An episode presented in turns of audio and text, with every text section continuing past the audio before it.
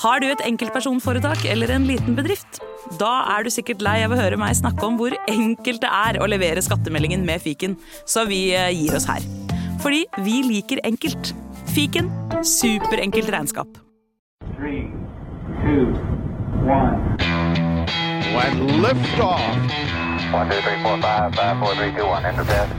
Okay, we checked all four systems, and there you go on modulation, all four, and keying with a go. Jeg tror at nysgjerrighet er et viktig element.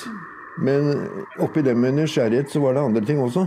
Det var det med prestisjejaget mellom eh, USA og Sovjetunionen. Det var et kappløp som begynte med et missilkappløp. eh, Som etter at Gagarin ble skutt opp, ble et eh, romkappløp og et månekappløp. Velkommen til en eh, ny episode av din favorittpodkast, eh, håper vi selvfølgelig. eh, For all things space, eh, alt i verdensrommet. Som i denne episoden må være litt eh, ærbødige. Vi skal minnes en nestor. For eh, denne uka så fikk jo alle oss som er opptatt av eh, verdensrommet, det som skjer i, i uh, utafor planeten, da, kan man si, en eh, trist eh, beskjed. Hele Norges eh, Erik Tandberg, eh, han har nå gått eh, bort. Eh, Et tap eh, for alle som er interessert i romfart, og ikke minst for eh, spredning av romfartsstoff til oss vanlige folk, da. I hvert fall kan eh, en tredjedel av de som er her i dag eh, si det. Eh, Det skal i stor grad handle om, eh, om Tandberg i dag. Eh, Eirik, du som ikke er vanlige folk når det kommer til denne sammenhengen. Det her må jo være ekstra spesielt for deg? Ja, det var det. Det var, veldig, altså det var sånn da vi fikk beskjeden på, på kvelden for noen dager siden, så var det sånn å nei, å, det var leit. Altså, han, han var jo han var godt opp i åra, men allikevel. Han var, sist jeg møtte han, så virket han jo frisk og fin, så det var, så det var faktisk et sjokk, ja. Og jeg så jo Altså, jeg la ut noe ganske fort i sosiale medier, eh, særlig på Facebook, og det ble jo en veldig sterk reaksjon der. Det er jo Altså, det var mange, veldig mange som kommenterte hos meg, men det var også mange helt alminnelige mennesker og, og, og ualminnelige mennesker. Altså politikere, forfattere, musikere, som la ut sine personlige opplevelser av, av Erik Tandberg. og alle som en er jo ekstremt positive. Alle snakker om hvor viktig han var for dem, hvor hyggelig det var å møte ham. Det går igjen og igjen. Det er mange. Han møtte tusenvis av nordmenn, og alle har den samme historien å fortelle. Så ja, det har vært, det har vært noen spesielle dager.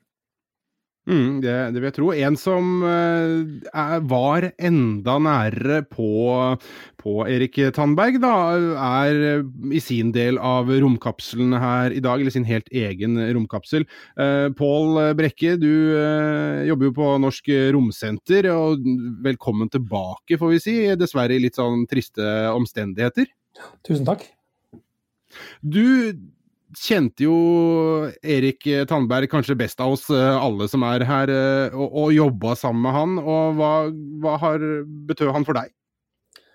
Han var jo en inspirasjonskilde helt siden den gangen han kommenterte månelandingen. Men det var jo spesielt da når jeg begynte å jobbe på Norsk Romsenter i 2004. Så fikk jeg kontor rett overfor gangen for hans kontor, så vi satt og så på hverandre og snakket hverandre hver eneste dag. og det er klart at han har inspirert meg mye, og jeg har lært veldig mye av han.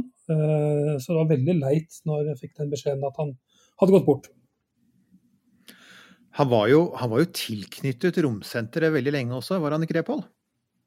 Jo, han var vel eh, Jeg jobbet jo sammen med han i ca. 14 år, eh, men han var vel ansatt der i litt over 20 år som Mm. konsulent. Så han var egentlig ikke fast ansatt, men han jobbet på, som konsulent.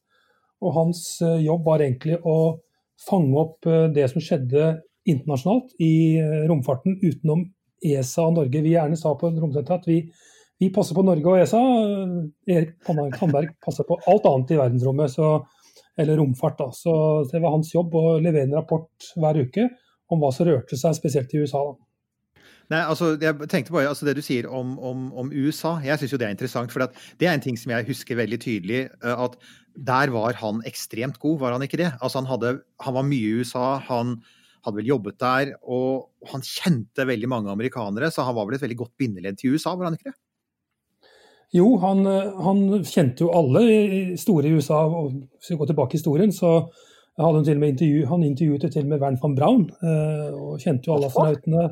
Er det Så deg han- som han var- Ja, så, så han var jo nært innpå disse. Klart at han hadde enorme kontakter der. og uh, Det så man også når han da senere, siste kanskje 20 årene, uh, var med på disse turene som Norsk Strømsøk Forening og andre foreninger hadde, hvor han var guide.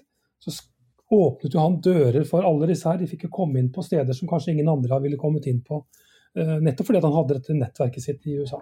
Men eh, som, eh, som vi vet, eh, så, så Erik Tandberg han ble jo en, en godt voksen mann. Men det som jeg syns er Som jeg satt og tenkte på her nå, var jo dette Dette her var jo en mann som fulgte romfart fra sin spede begynnelse, så han var jo en sånn Uh, cutting edge teknolog, ikke sant. Og det er litt rart å tenke på at det som uh, var en, en gammel mann, var en fyr som var liksom helt, helt øverst på spydspissen eh, en gang i tida. Ja, Der er vel stikkordet nysgjerrighet, er det ikke det, Pål? Altså, han, han slo jo meg alltid som en veldig sånn Folk sier, jeg ser mange sier i minneordene også, en sånn vennlig nysgjerrig, er det det mange sier. At selv om han kanskje ikke nødvendigvis var helt inne i et tema, så var han alltid nysgjerrig på å få vite mer om det. Jeg opplevde han sånn som eh, når han jobbet hos oss, da, så, så satt han og leste og leste og leste. Printet ut alle nyheter som kom, og skrev notater, oppsummering av disse tingene. Og han hadde jo da hele kontoret sitt fullt av håndskrevne notater. Så han var veldig nøye på allting. Han skulle ha alle detaljene. Og, og, og det, sånn tror jeg han var sikkert hele livet sitt. Eh, også når han da kommenterte for, i NRK. Eh, Det er jo utrolig å sitte og høre på han hvordan han svarte på de mest tekniske spørsmål som kom i løpet av den lange 17 timer lange sendingen. Så svarte han på alt han eh, som kom. Han tok jo alt på, på strak arm. Altså det finnes jo, Du tipset meg om det, Pål. Det finnes en, eh, på, på NRKs nett-TV så finnes det et program om livet hans. For det finnes vel ikke egentlig noen bok eller noe sånt, nå, men der finnes det et program som heter Mitt liv. Og, og det første i den serien det var faktisk et intervju med E- Erik Tandberg. Og det mest interessante for meg der, det er at altså akkurat som veldig mange av oss romnerder som, som fremdeles er friske og aktive, kan du si, da, så er jo altså, Det begynte ofte i barndommen. og det gjorde jo med han òg. Han forteller jo at han allerede som barn ble veldig interessert i modellfly og fly. Og noe av det mest fascinerende for meg, det var sånn, en, han hadde en skildring av eh, 9.4.1940. Da var han åtte år gammel, og de skulle fylle bensin på en bensinstasjon i Kirkeveien i Oslo for å komme seg ut av byen. Og da står de, og så ser han opp, og så, han, altså han kjenner igjen lyden av fly på motorene deres, og så kan han da, skjønner han at det foregår en luftkamp over hodet hans, og han ser da fly slåss, og, altså kjempe mot hverandre over Oslo, og kuler slå ned i bakken. ikke sant? Og, og For meg så var det fascinerende at han ble ikke skremt av det, nei, han ble jo tvert imot fascinert av det, og endte jo faktisk opp med å jobbe i Luftforsvaret. Det var jo de som sendte han til USA i sin tid. Og det er jo, det er jo sånn, eh, holdt på å si, det, det starter for de aller fleste, som du sier, Erik. Det begynner i barndommen. Men Pål, eh, for, for på en måte eh, spredningen da av interesse for romfart og interesse for den type teknologi, hva tenker du at, eh, at eh, Erik Tandberg har, har betydd for eh, måte, deg og din organisasjons evne til å, å vekke interesse og, og entusiasme blant folk? da? Jeg tror Erik var en bauta når det gjaldt å, å formidle dette stoffet. Han var et vandrende leksikon. Det var vel få som klarte å, å formidle på den måten hans. Og mange har jo sagt at med Erik Tandberg så, så brakte han liksom verdensrommet inn i stuen til folk. Eh, og eh, han var ganske unik, da, den rolig beherskede måten han snakket på, og ikke minst eh, detaljrikdommen han hadde i beskrivelsen av det han forklarte. Han, han kunne jo nøyaktig hvor mange liter drivstoff som gikk gjennom hver eneste motor, hvor mange skruer det var på romferjen, og hvor mange kilometer med ledninger og slike ting. Så utrolig klisterhjerne. Og dette klarte han å formidle på en folkelig måte, og det er jo det kanskje folk har, har liksom sitter igjen som et minne, at han var den, en av de beste formidlerne vi noen gang har hatt. Mm. Eh, Eirik, er det nå du skal bruke bitte litt tid på å skjelle ut NRK igjen? Vi skal, vi skal straks gjøre det. En av de tingene som eh, fascinerer meg litt, er altså at um, han, han, var jo i USA da, da Sputnik ble skutt opp. Og, og han forteller jo selv um, at da han, han sto ute og så opp og så Sputnik passerte på himmelen, og han skjønte hvor viktig det var, for da var han allerede blitt opptatt av romfart. Og han forteller at han hadde lest ting om dette, og han hadde lest artikler om det, og han hadde blant oss sett det på TV. Og der kommer vi faktisk tilbake til uh, han som var Dr. Space og den fremste romfartsformidleren i USA på det tidspunktet, som nettopp var Werner von Braun.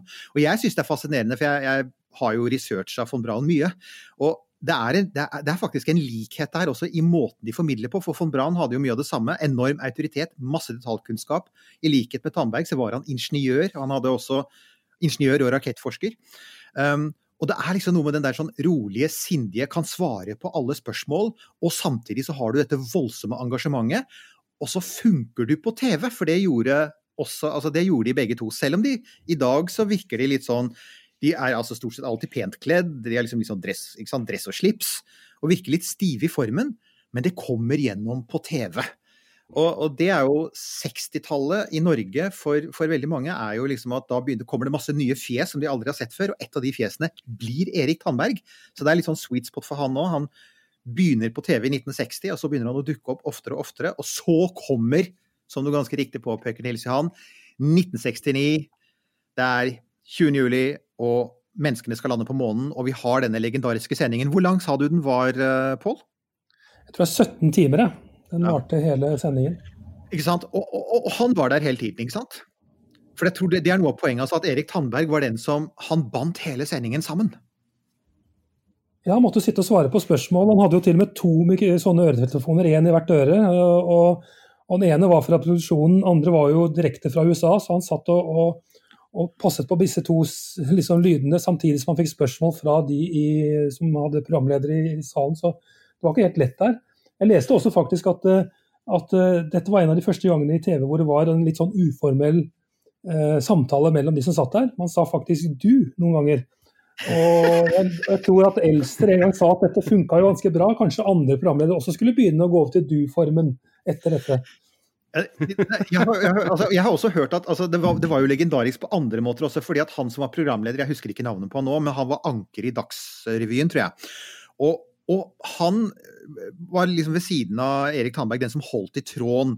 Og, og, fordi det tross alt Jo, de var jo avhengig av det som skjedde ute i rommet, så det måtte jo være litt uformelt. Og det er et, det er et øyeblikk der ute på natta hvor han trenger kaffe, og det kommer løpende noen fra NRK-kantina med en kopp kaffe og gir den til han på direkten. Og det var sånn svært øyeblikk for norske TV-serier den gangen. For at alle, alt hadde vært planlagt og stivt, og det var de, og det var med slips. Og så ble De tok av seg slipsene, ble løse i snippen og drakk kaffe som de fikk servert på direkten. Og for folk så var det helt sånn wow! Går sånn mm. TV an? Er det nå du skal bruke nå, noen sekunder, Eirik, på å hente tilbake det som du tidligere har ja, ja, I vår aller første episode så ranta jeg litt om det, men jeg, jeg, jeg, kommer tilbake til det at det er en skam og en skandale at dette, denne sendingen, som ikke bare var et historisk øyeblikk, for det var det jo. Og i mine øyne helt klart det største positive øyeblikket. Dette har vi snakket om før, Nils Johan. ikke sant? At Apollo-landingen det er det største positive øyeblikket i 20. århundre, ikke sant? Er vi enige? Utvilsomt. Utvilsomt. utvilsomt. Ja. Finnes det mange negative øyeblikk og kriger og sånn som trumfer det sånn i betydning, men positivt? Yes. Det, altså, de beholdt massevis av fjernsynskjøkkenet. De beholdt Kongsberg Jazzfestival, som var tatt opp noen dager før, men de sletter denne sendingen. Uh, fins ingenting igjen av den. Fins noe manus, det fins noen stillbilder. Uh, men ellers er den helt borte. Og det altså til tross for at den også i NRK var legendarisk, for den ble liksom sånn, den dannet jo skole for hvordan man lagde direktesendinger seinere. Så det er en tragedie at det ikke fantes videoopptakere den gangen. Men eh, min oppfordring kan bare være, hvis det mot formodning skulle være noen der ute som ennå ikke er blitt kontaktet av en eller annen forsker som har lett etter Super 8-opptak, hvis noen hadde det. Jeg har nettopp hørt rykter om, um, om at det kan finnes et lydopptak. Altså hvis hva som helst. Eller for den saks skyld fotografier av skjermen, så, så kom fram med det. For dette er faktisk en viktig del av norsk historie som er borte. Mm. Det var det jeg. Jeg har lyst til å stille et spørsmål. Ja, ja Pål? Ja, jeg vil jo bare påpeke at uh, sendingen finnes nok et eller annet sted ute i verdensrommet. For alle radiobølger og radiosendinger som blir sendt ut fra verdensrommet, eller jorden er jo på vei ut i verdensrommet, så ca. 51 lysår ut i verdensrommet så svever disse sendingene fremdeles der ute. Da, så La oss håpe at det Ikke sant? Det fins noen der ute med en veldig stor antenne og en veldig kraftig alien VHS, og så tar de opp. Eventuelt så er dette et argument for å finne opp sånn overlysfart, altså at vi kan fly fortere enn lysbølgene og fange dem opp. Det synes jeg, jeg synes dette er et av de beste argumentene vi har for å ha sånn fly gjennom markhull. Ja, det er der argumentet ligger. Dette er snakk om ordentlig cloud-lagring, ingen tvil om det. Men uh, Pål, uh, altså opp til på en måte de siste åra, da. Uh, hvor lenge var Erik Tandberg relevant? Men han var relevant helt til han døde, nesten. Han jobbet hos oss inntil for ca. to år siden, hadde kontor der. Og I den perioden der så skrev han da rapporter for oss. Etter det så fortsatte han å jobbe hjemmefra med å samle stoff. Han holdt foredrag, han reiste rundt på turer og slike ting. Så han, han var aktiv helt til i, i fjor en gang. Så han begynte, helsen begynte å svikte litt. Så han, eh, han var tross alt en gammel mann, så det var ikke så rart. Men hodet hans var veldig klart. Og han, var vel, mm. han holdt seg i god form, gjorde han ikke det? Du fortalte om det med at han gikk på treningsstudio stadig. Jeg vet at han var gammel idrettsmann? Jo da, han, eh, for det første så, så, kom han tidlig på jobb, og han trente nesten hver dag på eleksia. Eh, ja, det må du fortelle om, Pål. Det derre morgenritualet deres. Ja, altså eh, Både Erik og jeg og to andre i den avdelingen vi satt i, det var vel kanskje 15 mennesker der, vi kom veldig tidlig. og Erik var stort sett den første. Jeg kom av til først og nummer to. Og vår sjef den gangen også kom, eh, Bo Andersen kom også rundt der. Og hvis man da kom så sent som kanskje fem over syv, så fikk man ofte et lakonisk fra Erik Tandberg eh, 'god formiddag', sa han da høflig, og så lo han. Så vi, hadde, vi spøkte litt rundt dette her, da, om å komme først og, og slike ting. Han var en fantastisk person å være rundt, og som sagt, vi pratet veldig mye rundt her. og som sagt, Han trente veldig mye, han trente nesten hver dag. og eh, Nå er det kanskje ti år siden sist jeg spilte squashman, men jeg sleit med å slå han også. Så eh, han var ganske sprekk. Det finnes faktisk noen veldig kule fotografier han der ute, tatt av hans datter Vibeke Tandberg, som er en ganske kjent kunstfotograf. Eh, jeg husker jeg var på en fotoutstilling for mange år siden hvor jeg plutselig tenkte oi, det var, et, det var, det var noe kjent med han. Det var altså en, en, en, eldre mann som stupte kråke på sånne fantastisk flotte bilder. Det var altså datteren hans som hadde tatt bilde av faren sin. Veldig, veldig fint.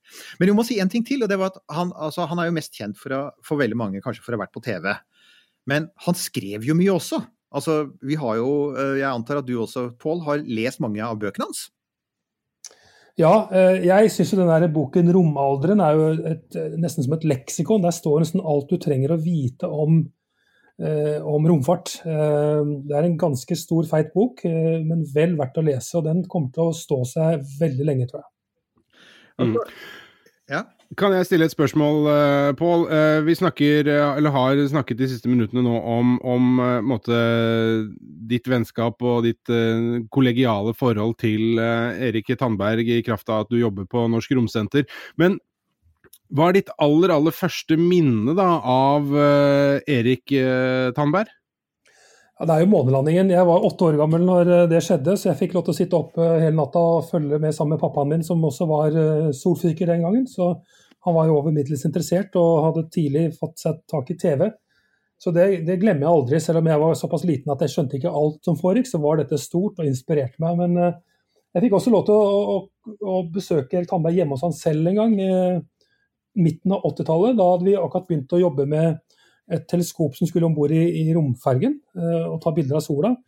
Og da var jeg hjemme hos han for at uh, han hadde en del bilder som jeg kunne tenke å bruke i foredragene mine. og jeg hadde en del bilder som jeg hadde med fra NASA som han ønsket å bruke i sine foredrag. Så vi satt da en hel dag og gikk gjennom en gamle slide. Da. Det var før man hadde digitale bilder, så da måtte man gå gjennom alle disse her eh, kassettene sine med slider. Men det var første møte jeg hadde da. Og så dro jeg også til USA da, på, i 1996. Så var jeg på NASA Goddard Space Flight Center. Og da kom han faktisk og intervjuet meg eh, for Vi Menn. Så det ble en uh, artikkel da i Vi Menn om nordmannen som jobbet på NASA. Så det var de første møtene jeg hadde med Erik. Mm. Så det var liksom eh, det var Erik Tandberg og faren din da, som er skyld i at uh, du på en måte er der du er i dag? Det tror jeg kan stemme, ja. Mm.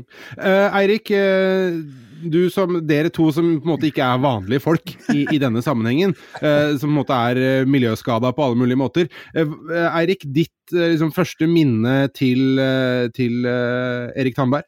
Ja, det er jo dessverre, altså Pål og jeg er jo nesten jevnaldrende, vi gikk jo på universitetet sammen i sin tid. Men i motsetning til Pål, da, så, så, fikk ikke jeg med meg den der månesendingen.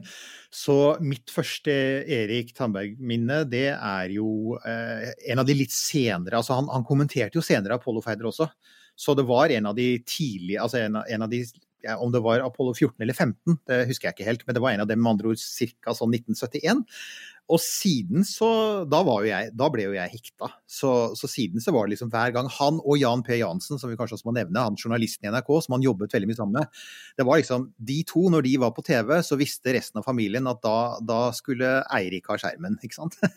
Men det var jo greit, en gang det var bare én kanal, så det var egentlig bare å la den stå på. Det var ikke sånn å, switch over til MTV, for dette var lenge før MTV Ungdom. Og nå innser jeg at i MTV så har jeg allerede datert meg grundig, for det er jo også borte. Ja, det var det, det var det jeg tenkte nå, at hvem er det som refererer refererer på noen som helst måte til den kanalen lenger, men det, det er bra jobba, News. Du er en ung mann som holder pulsen på Ikke sant. Ja. Jeg, jeg, jeg, henger mm. med de unge. Uh, jo, det siste, det siste, Jeg har jo et siste uh, veldig interessant og veldig sterkt minne av nå også. Uh, og det var for, um, for halvannet år siden så skulle jeg holde et foredrag om romhistorie i Oslo. og jeg skulle snakke om tro det eller ei, Werner von Braun og hans rolle på 1950-tallet som romfartsformidler. Eh, jeg var blitt bedt om å gjøre det. og så, og så Idet jeg da går opp på talerstolen, så ser jeg plutselig at der kommer Erik Tandberg og setter seg på første rad. Altså, Jeg hadde jo ikke tenkt på å invitere han, det burde jeg jo gjort, men jeg hadde jo ikke tenkt på det. Og når han setter seg der, så tenker jeg bare ops, altså jeg skal snakke stort sett bare om folk han kjente. Jeg skal snakke om en han opplevde. Så jeg bare håper jeg har gjort researchen min riktig, for hvis det er noen som kan rekke opp, rekke opp hånda etterpå så er det sånn Er det noen spørsmål her? Ja, du, det du sier der Ikke sant? Var sånn, oh, jeg var så nervøs. Jeg tror aldri jeg har vært så nervøs i mitt liv som foredragsholder. Og når jeg da var ferdig, så kommer han opp, og så er han som alltid vennlig og hyggelig sier 'tusen takk, det var et meget, det var et meget interessant foredrag'. Og jeg var sånn åh, jeg har, aldri vært så, jeg har aldri vært så stolt over å holde foredrag i mitt liv. For jeg greide altså faktisk å ja. Så det, så jeg, testen der på, på det? Jeg besto Tandberg-testen, og det er et av de stolte øyeblikkene i mitt liv. Ja, ja for, det, for, meg så er jo han Det, det jeg umiddelbart liksom fikk opp i hodet, ja, det er Norges Walter Cronkite. Det, der har du på en måte mer eller mindre Erik Tandberg for meg, for jeg er jo litt yngre enn dere, da. Og jeg liksom vet at MTV ikke er helt uh, inn uh, og følger med på det, ikke sant? Uh, men, men, men jeg vet også at han har jo skrevet en bok også som heter 'Målet er Mars'. Ja. Uh, og igjen så tenker jeg på Han var en fyr som visste mye om det som foregikk, uh, og målet er Mars fra 80-tallet en eller annen gang. Uh, hvor hvor på en måte framsynt og, og, og fremtidsretta var han da? Uh, altså, jeg husker, jeg, det er, min, det er min, min, favoritt blant hans bøker, for jeg har alltid vært veldig opptatt av Mars som et, et reisemål. Um, og altså, jeg husker den boka ganske godt. Uh, og det er klart, siden den er skrevet i 1989, så er den veldig fokusert på det som, som var planene den gangen. Uh, blant annet så var det jo da, hadde jo nettopp uh, president Bush den første, han hadde nettopp lansert et sånt stort Mars-initiativ. Og, og, snakket om å få USA tilbake til Mars i løpet av 20 år. Og det skulle da skje ved hjelp av romferden og romstasjonen og slike ting. Så, så, den var jo veldig preget av det. Og den var preget av at NASA skulle gjøre det, selvfølgelig. Fordi at NASA var det eneste gamet i byen på det tidspunktet. Altså det, det var de som drev med romfart i USA. Men, men alt som står der om liksom de teknologiske utfordringene og sånn, er jo fremdeles det er jo interessant og relevant å lese, selv om liksom det politiske har forandret seg en del. og og hvis folk vil, da, så ligger faktisk boka ute på bokhylla.no, som er et sånt nasjonalbiblioteknettsted hvor boka er skannet inn og ligger helt lovlig. Så da kan du gå inn og søke på Erik Tandberg. Jeg kan legge ut lenke til det i bloggen vår, eh, romkapsel.no. Og da kan du faktisk lese nesten alle bøkene til Erik ligger der ute. Og til fri avlesning. Og da kan du selv se, da, og se hvor mye er det som liksom stemmer. Men jeg tenker først og fremst er det visjonen og personen, da. For, for Mars. Den er jo der, og den kjenner jeg veldig godt igjen. Mm. Eh, Pål? Han var jo optimist. da. Han trodde jo at vi skulle komme raskere til månen og Mars eh, den gangen han var ung, kan du si. Og det var kanskje en av de få tingene han ikke fikk rett i. Eh, ting gikk ikke som han trodde. Eh, Eirik, du har jo skrevet om eh, hvordan Werner von Braun eh, skrev et paper om å komme tilbake til Mars, ganske, eller ikke kom tilbake til, men reiste til Mars rett etter Apollo, bruke samme teknikken. Eh, det, det, ble jo ikke noe av, for at NASA bestemte seg heller for å begynne å bygge opp en romstasjon og romfergeprogram og slike ting. Eh, Så det gikk jo ikke, da. Men eh, eh, nå er vi i gang igjen, og det er jo veldig synd da at han ikke får oppleve det som kanskje skjer nå om noen uker. da. Ja, det er jo akkurat Ja. Skal jeg bare ta én siste liten uh, Erik Tandberg-anekdote før vi eventuelt går over til akkurat det som, som eh, Pål nevnte nå. Og det er, uh, Jeg leste for ikke så lenge siden en uh, bok av Buss Aldrin, som jo var en av de mange som Erik Tandberg kjente personlig. Eh, I dette, I dette Mitt liv-programmet med NRK så snakker han jo om alle samtalene han har hatt med Buzz Aldrin. Og jeg bare tenker wow, ikke sant. Altså, um, og da, da de tre Apollo-astronautene kom til eh, Oslo i oktober 1969 i forbindelse med denne vennskapsturneen de sendte astronautene rundt etter Apollo-programmet for å liksom besøke vennskapelige nasjoner og, og, og vise dem fram, så, så, har de, de lunsj på Slottet. Uh, og der, der tror jo faktisk altså du, du nevnte det du, Nils Johan, at uh, Erik Tandberg var Norges Walter Cronkite. Det er jo faktisk Buzz Aldrin. Han, han hadde fått høre det. Så han fikk yeah. han, ja, ja, så han fikk Erik Tandberg presentert som Norges Walter Cronkite, og hans kone trodde at, um, at, um, at Erik Tandbergs kone var kronprinsesse Sonja. Så under hele lunsjen så, så ble Erik Tandbergs kone tiltalt som Deres kongelige høyhet. Ok, det var bare en liten annen på slutten. Men igjen bare si, Men- sier hvor viktig Erik Tandberg var. Altså, når du får disse tre folka til Oslo, og det er altså bare det er kongen, statsministeren, utenriksministeren og Erik Tandberg, ikke sant? Jeg må jo også si at uh, en annen ting er jo uh, at han er jo ridder av universet. Og det er ikke mange som kan Ja, eh, det, kalle seg det. Universet, faktisk. Ja, OK. Ja, han, han fikk jo utmerkelsen ridder av første klasse av St. Olavs orden. og Dette ble utdelt da i Klingeberg kino under et stort arrangement under 50-årsjubileet, var det vel, her i Norge, over Norge i rommet. Eh, og Da var han veldig stolt, det har han sagt selv i et intervju med Akersposten. og Det skjønner jeg godt, da, men jeg tenkte jeg skulle bare lese opp en av setningene fra, fra begrunnelsen som Slottet hadde. Eh, Slottet legger til grunn blant annet, eh, og legger vekt på hans unike evne som formidler av den mest høyteknologiske virksomhet som finnes, og at hans inspirasjon og entusiasme har bidratt til allmenn interesse for verdensrommet. Så det, det var han veldig stolt av. Og så har jeg lyst til å si én ting til, hvor jeg kanskje det, det mest eh, følelsesmessige møtet jeg hadde med Erik Tandberg, det skjedde jo i fjor sommer. Vi var på en førpremiere av eh, den nye filmen, dokumentaren Apollo 11. Eh, denne filmen som da inneholdt disse nye filmopptakene som aldri har vært vist før, eh, i Imax-format. Så du, altså, det er som å sitte nesten helt oppe i launchpaden når, når raketten går av, og bildene når astronautene tok på seg draktene og slike ting. Den så jeg sammen med Erik Tandberg og et par journalister på Imax-teatret. Og jeg har sjelden sett Erik så stille og så litt rar i ansiktsuttrykket. For at jeg tror han levde seg tilbake til eh, 1969, når han satt i NRK-studio og ikke fikk lov til å dra til USA, sånn som Jan P. Jansen. Eh, Så nå fikk han nesten være til stede igjen den dagen. Han, han gjenopplevde det på en måte. Så han var ganske rørt og, og satt ut nesten eh, rett etter filmen. Det var en stor opplevelse. Og det er jo for en film som alle bør se. Denne filmen det er eh, altså Apollo 11 minutt for minutt. Eh, bare eh, uten stemmer. Det er nesten bare lyd, og astronautene snakker med hverandre. det, er, Mm. det er bare totalt brain candy for romnerder. Det er, den er helt enestående. Og det er, det er, det er masse HD-opptak som man vel ikke visste man hadde liggende. Altså det, det, er, det, er, det er ikke liksom bare bildebehandlet, men det er faktisk mye original råfilm, er det ikke det? Som, som er i ekstremt høy oppløsning. Jo, altså eh, Apollo 11 ble filmet med 70 mm kameraer. Eh, og det var planen var å lage en kinofilm eh, den gangen. Men så var det veldig få kinoer som kunne vise noe sånt. Det var vel kanskje ingen. Og de hadde ikke penger til å fullføre filmen, så ble alle ble lagt i en skuff hos NASA. og mange år senere så ryddet de, og så ga de alle filmene til National Archives. Og så har de ligget der inntil for to år siden, når noen fant disse. Og så satte man sammen dette her sammen med 11 000 timer med lydopptak, slik at man klarte å synkronisere stemmene som du Når folk snakker i kontrollrommet, så ser du, hører du faktisk hva de sier.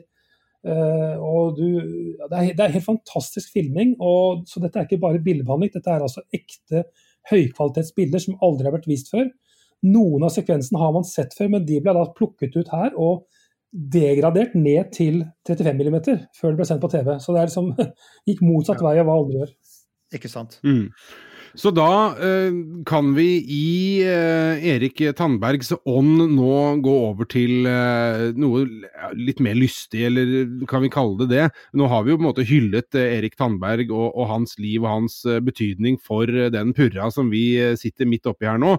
Og den snører seg og snurper seg sammen om bare noen få uker, Eirik Knut. Da, da, da skal det skje en av de store tinga vi har venta på. Ikke sant. Dette er, så, nei, dette er et sånt eksempel som eh, på en sånn, en sånn begivenhet som vi veldig gjerne skulle hatt hørt Erik Tandbergs kommentarer til, og som jeg, er helt sikker på at han ville synes at dette var en veldig passende hyllest, og snakke litt om det som skal skje, for det er av litt sånn romhistorisk betydning. Det er altså det, den første oppskytingen av et mannskap fra amerikansk jord med et romskip siden eh, romferden Atlantis, som STS 135-ferden, som ble skutt opp 8.07.2011. Så det begynner å bli veldig lenge siden. Og det er altså bare å notere seg tidspunktet. NASA har sagt at oppskytingstidspunktet eh, foreløpig er 27. Eh, mai i året, altså 2020. Eh, og det er 2032 UTC. Men det er da 22.32 norsk tid. Så det er altså litt seint på kvelden, men det betyr jo at det er på ettermiddagen på Cape Canaveral. Og eh, grunnen til at det er så presist på tid, det er at denne romkapselen den skal altså opp til den internasjonale romstasjonen. så Derfor må det skytes opp til jakt i riktig tidspunkt, sånn at den treffer romkapselen der oppe. Da, sånn at den kan ta, romstasjonen, sånn at den kan ta igjen romstasjonen. Så tidspunktet er litt viktig.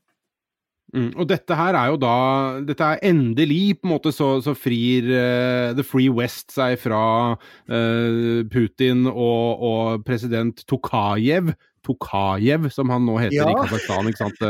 Det blir slutt på at vi lander i Kasakhstan. Det gjør jo faktisk det. Uh, Riktignok så fortelles det at NASA har kjøpt noen plasser til om bord i russiske Soyuz-kapsler, fordi de er jo ikke helt sikre. Det er jo et helt nytt romskip som skal opp, og det er altså da det er Crew Dragon uh, fra SpaceX, Elon Musks romselskap, som skal opp. det er de som vant, for det var jo et sånt lite det var litt sånn lite privat romkappløp som har foregått her, vet du. For det var jo i Boeing og SpaceX hadde lagt inn anbud på å bygge det nye romskipet til USA. Og begge to fikk tilslag, begge fikk penger fra NASA, og så var det om å gjøre å se hvem som da faktisk kom først i mål, og nå viser det seg at SpaceX gjorde det. Så det blir altså ja. faktisk eh, Så regn med interessante tweets fra Elon Musk.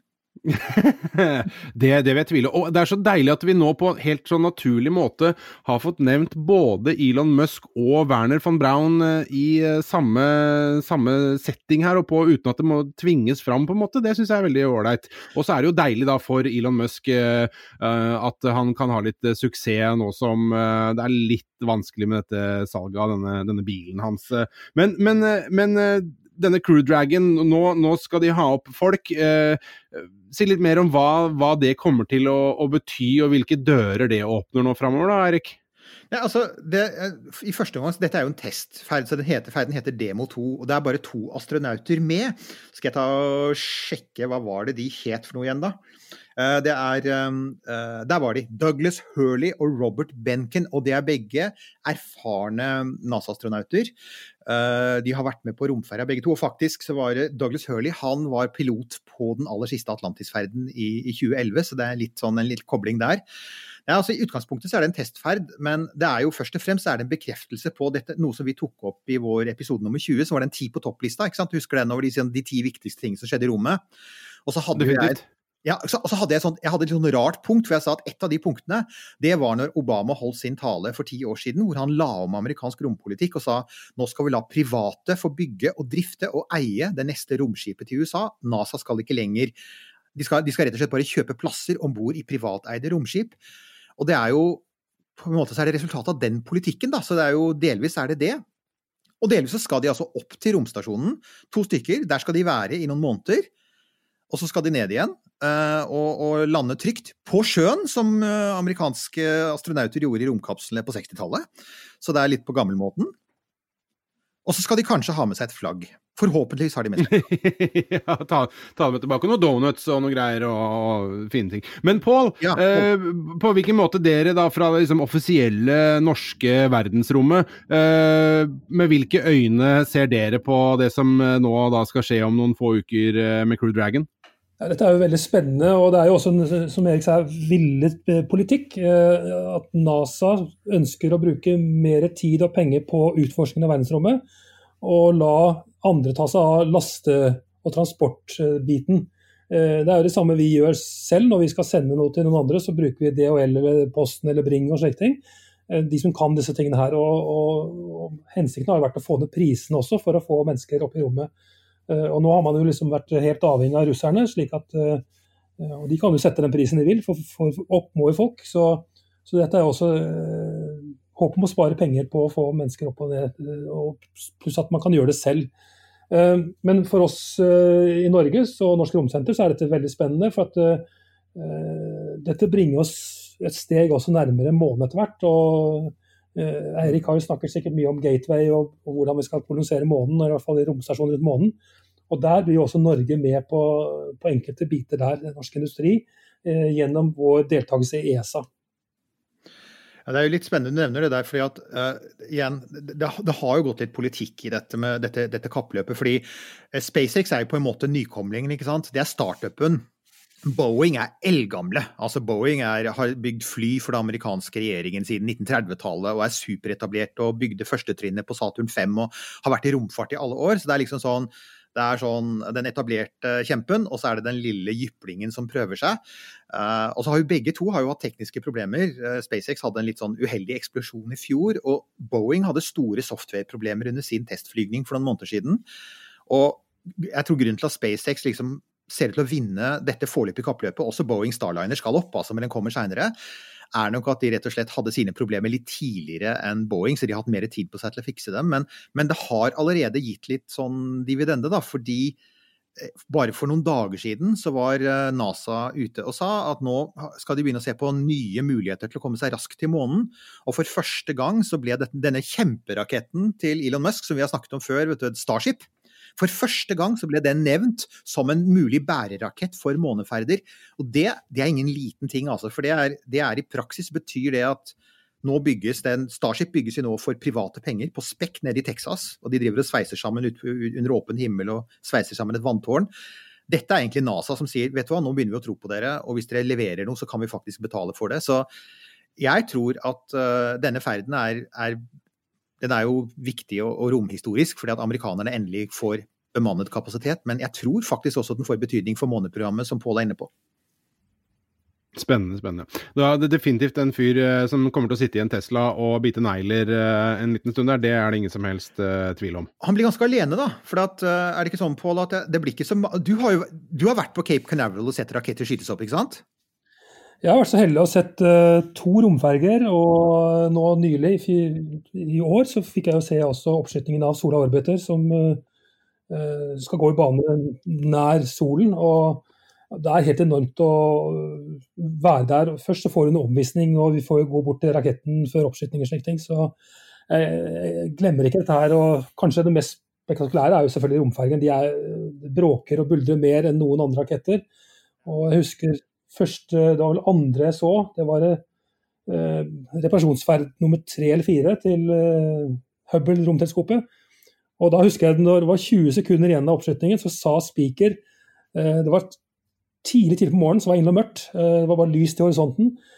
Hvis dere ser opp nå, så ser dere Hubble. Så kom Hubble gliende over himmelen som en sånn lysprikk. Og når den var i horisonten, så startet romferja å jakte på denne lysende kilden. Og det var fantastisk å se. Jeg kan ikke si noe annet enn at jeg, jeg, jeg har altså faktisk aldri sett en rakettoppskyting. Har du, Nils Johan? Altså, Nei, jeg kjente nå at jeg, de bildene som, som Pål malte her nå, de tiltalte meg veldig. Jeg tenker så fett det hadde vært. Jeg har, jeg har vært i nærheten av liksom launchpaden der, uh, men har, det var ikke noe rakett der. Det var tomt og ja, nei, det var en, en buss full av tyskere. Er det vel sånn også, Pål, at det er en folkefest, ikke sant? Det er, veldig, altså, det er masse, masse mennesker, og det er fullt av liv, og folk står på stranda, og de er Gjør det ikke det? Jo, det Hele området Coco Beach er jo fullt av mennesker, og de som er heldige, de kommer da inn på selve senteret. på Det er to sånne visningstribuner. Da. denne gangen, nå sist, så fikk vi lov til å stå på taket av eh, et av kommandobyggene, som var rett ved siden av denne store Assemble-bygningen, den kjempesvære som de bygde Apollo i. Hvor bare det amerikanske flagget er like stort som en fotballbane. Eh, men det som jeg syns er mest spesielt med å se oppskyting live, det er at for det første lyden. Man kjenner lydbølgene treffe kroppen. Og det kanskje mest spektakulære er fargen på flammen bak. Den ser ikke ut som den ser på TV. Den er helt sånn magnesiumblå, eller sånn som sveiseflammefarge. Og det klarer ikke kameraet å fange opp, av en eller annen grunn. Så det kan du bare se med det blotte øyet. Så det er en, en ekstremt intens uh, lys fra disse flammene som du ikke klarer å fange opp med kameraer. Og Det er også noe jeg syns er fantastisk å se. Og det, det, eneste, du kan si Den eneste nedturen her da, med denne ferden er jo at dette blir, det, dette blir, faktisk den første bemannede ferden i NASAs historie som ikke går med publikum fra Cape Canaveral pga. det vi alle vet. Altså, så Det er jo virusrestriksjoner i Florida, så det blir altså ikke så, så når du nevnte det med, med han i Teslaen som Peter negler, så er det mulig at han gjør det ganske alene, tenker jeg. Uh, tenker jeg, Nils Johan. Ja, men det er, det er fine sånne, sånne HEPA-filter og greier ja, i luftsystemet på, på Tesla. Sånn Bioweapon defense mode i Tesla. Jeg tror til og med de har det, antagelig. Men um, men uansett så er det interessant, og, og, vi skal jo ikke se bort fra at det kan få litt andre interessante konsekvenser. fordi Nettopp fordi Starliner og Crew Dragon, disse to private romkapslene, er privat eid, så betyr det også at de private selskapene har en litt annen kontroll over dem. Altså De kan ikke selge dem til utlandet, for det er det eksportrestriksjoner på. Så Boeing kan selge en, kan selge en Dreamliner til Kina, men de kan ikke selge en Starliner til Kina. Men de kan altså bruke kapslene De kan jo sette opp sine egne ferder. Og SpaceX har allerede sagt at de har planer om altså De vil jo selvfølgelig ta de ferdene som NASA tilbyr dem til rom, eh, romstasjonen. Men de vil også, eh, hvis det finnes folk der ute, sette opp eh, Falcon 9-raketter med en Crew Dragon på toppen, og fylle den opp f.eks. med romturister. Denne kapselen har plass til opptil sju passasjerer. Så det er en mulighet. Så, så, mm. så det åpner seg en del uh, Altså, det er ikke så Selv om det kan høres ut som å ja, dette er jo egentlig bare nok en Er det ikke bare Apollo en gang til, ser jeg folk sier, for det ligner jo på Det er jo en romkapsel. Nei, teknologien er mye smartere. Den er gjenbrukbar. Kapslene skal også gjenbrukes. Og igjen, det er en helt annen eierstruktur her. Så her, altså du kan komme til å se mange astronauter fly opp med Crew Dragon som ikke har gått gjennom NASAs astronauttreningsprogram, er egentlig poenget. Mm, og det, det, høres så forlokkende ut, og det er eh, Ja, og nå som det, nå som det ikke er mulig, liksom få seg en flytur med Norwegian til noe særlig sted, eller et eller annet sånt noe, så kan jo kanskje verdensrommet være en, være en, eh, en ikke en mager, men en fet, fet trøst uh, for de som ikke kommer seg til Granca uh, på, på, ferietur til sommeren. Ja, ikke sant. Uh, skal vi si at det er det for i dag, Eirik Newt? Jeg tror vi gjør det. Jeg tror, jeg tror vi gjør det. Er, hva tenker du, Pål? Har du noen flere, har du noe mer du har lyst til å si i sakens anledning? Nei, altså jeg kan jo kanskje Hvis vi skal gå tilbake i historien litt. Da. Du, vi snakket så vidt om det når vi var på Romsenteret forleden dag, om dette med, med, at Erik Tandberg var jo tidlig ute med å skjønne viktigheten av eh, verdensrommet og nytten av det. Og at han da var i like etter ja, Veldig tidlig i hans jobb da, så var han i en TV-debatt med en meteorolog om satellitter og værmelding. Og da mente meteorologen at satellitter ville aldri få noen betydning for eh, hans vitenskap. Eh, og det ble jo selvfølgelig feil. Og jeg kan gå enda lenger tilbake i tid, for det var jo Christian Birkeland var jo den som eh, oppfant kanskje så røntgenstråler først. Når nyheten om at røntgen hadde oppdaget røntgenstråler, så sa jo Birkeland til assistent at ja, men disse strålene har jeg sett mange ganger når jeg har holdt på med katoderørene mine.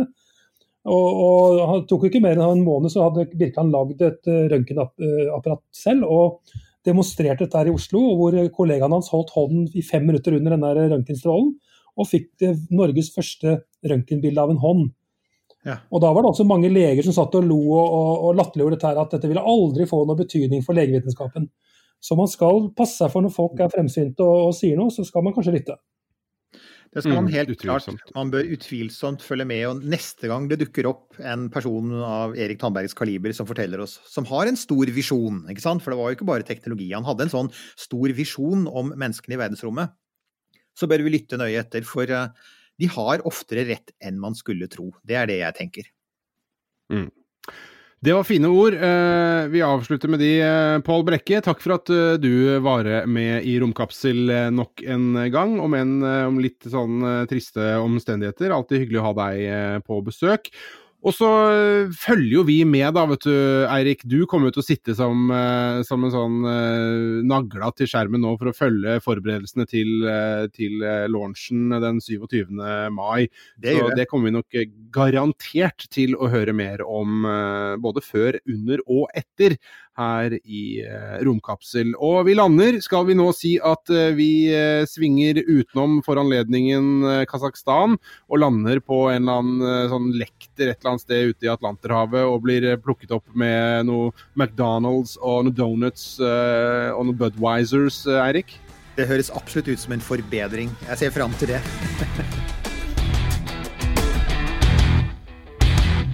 Denne Podkasten er produsert av Tid og Lyst.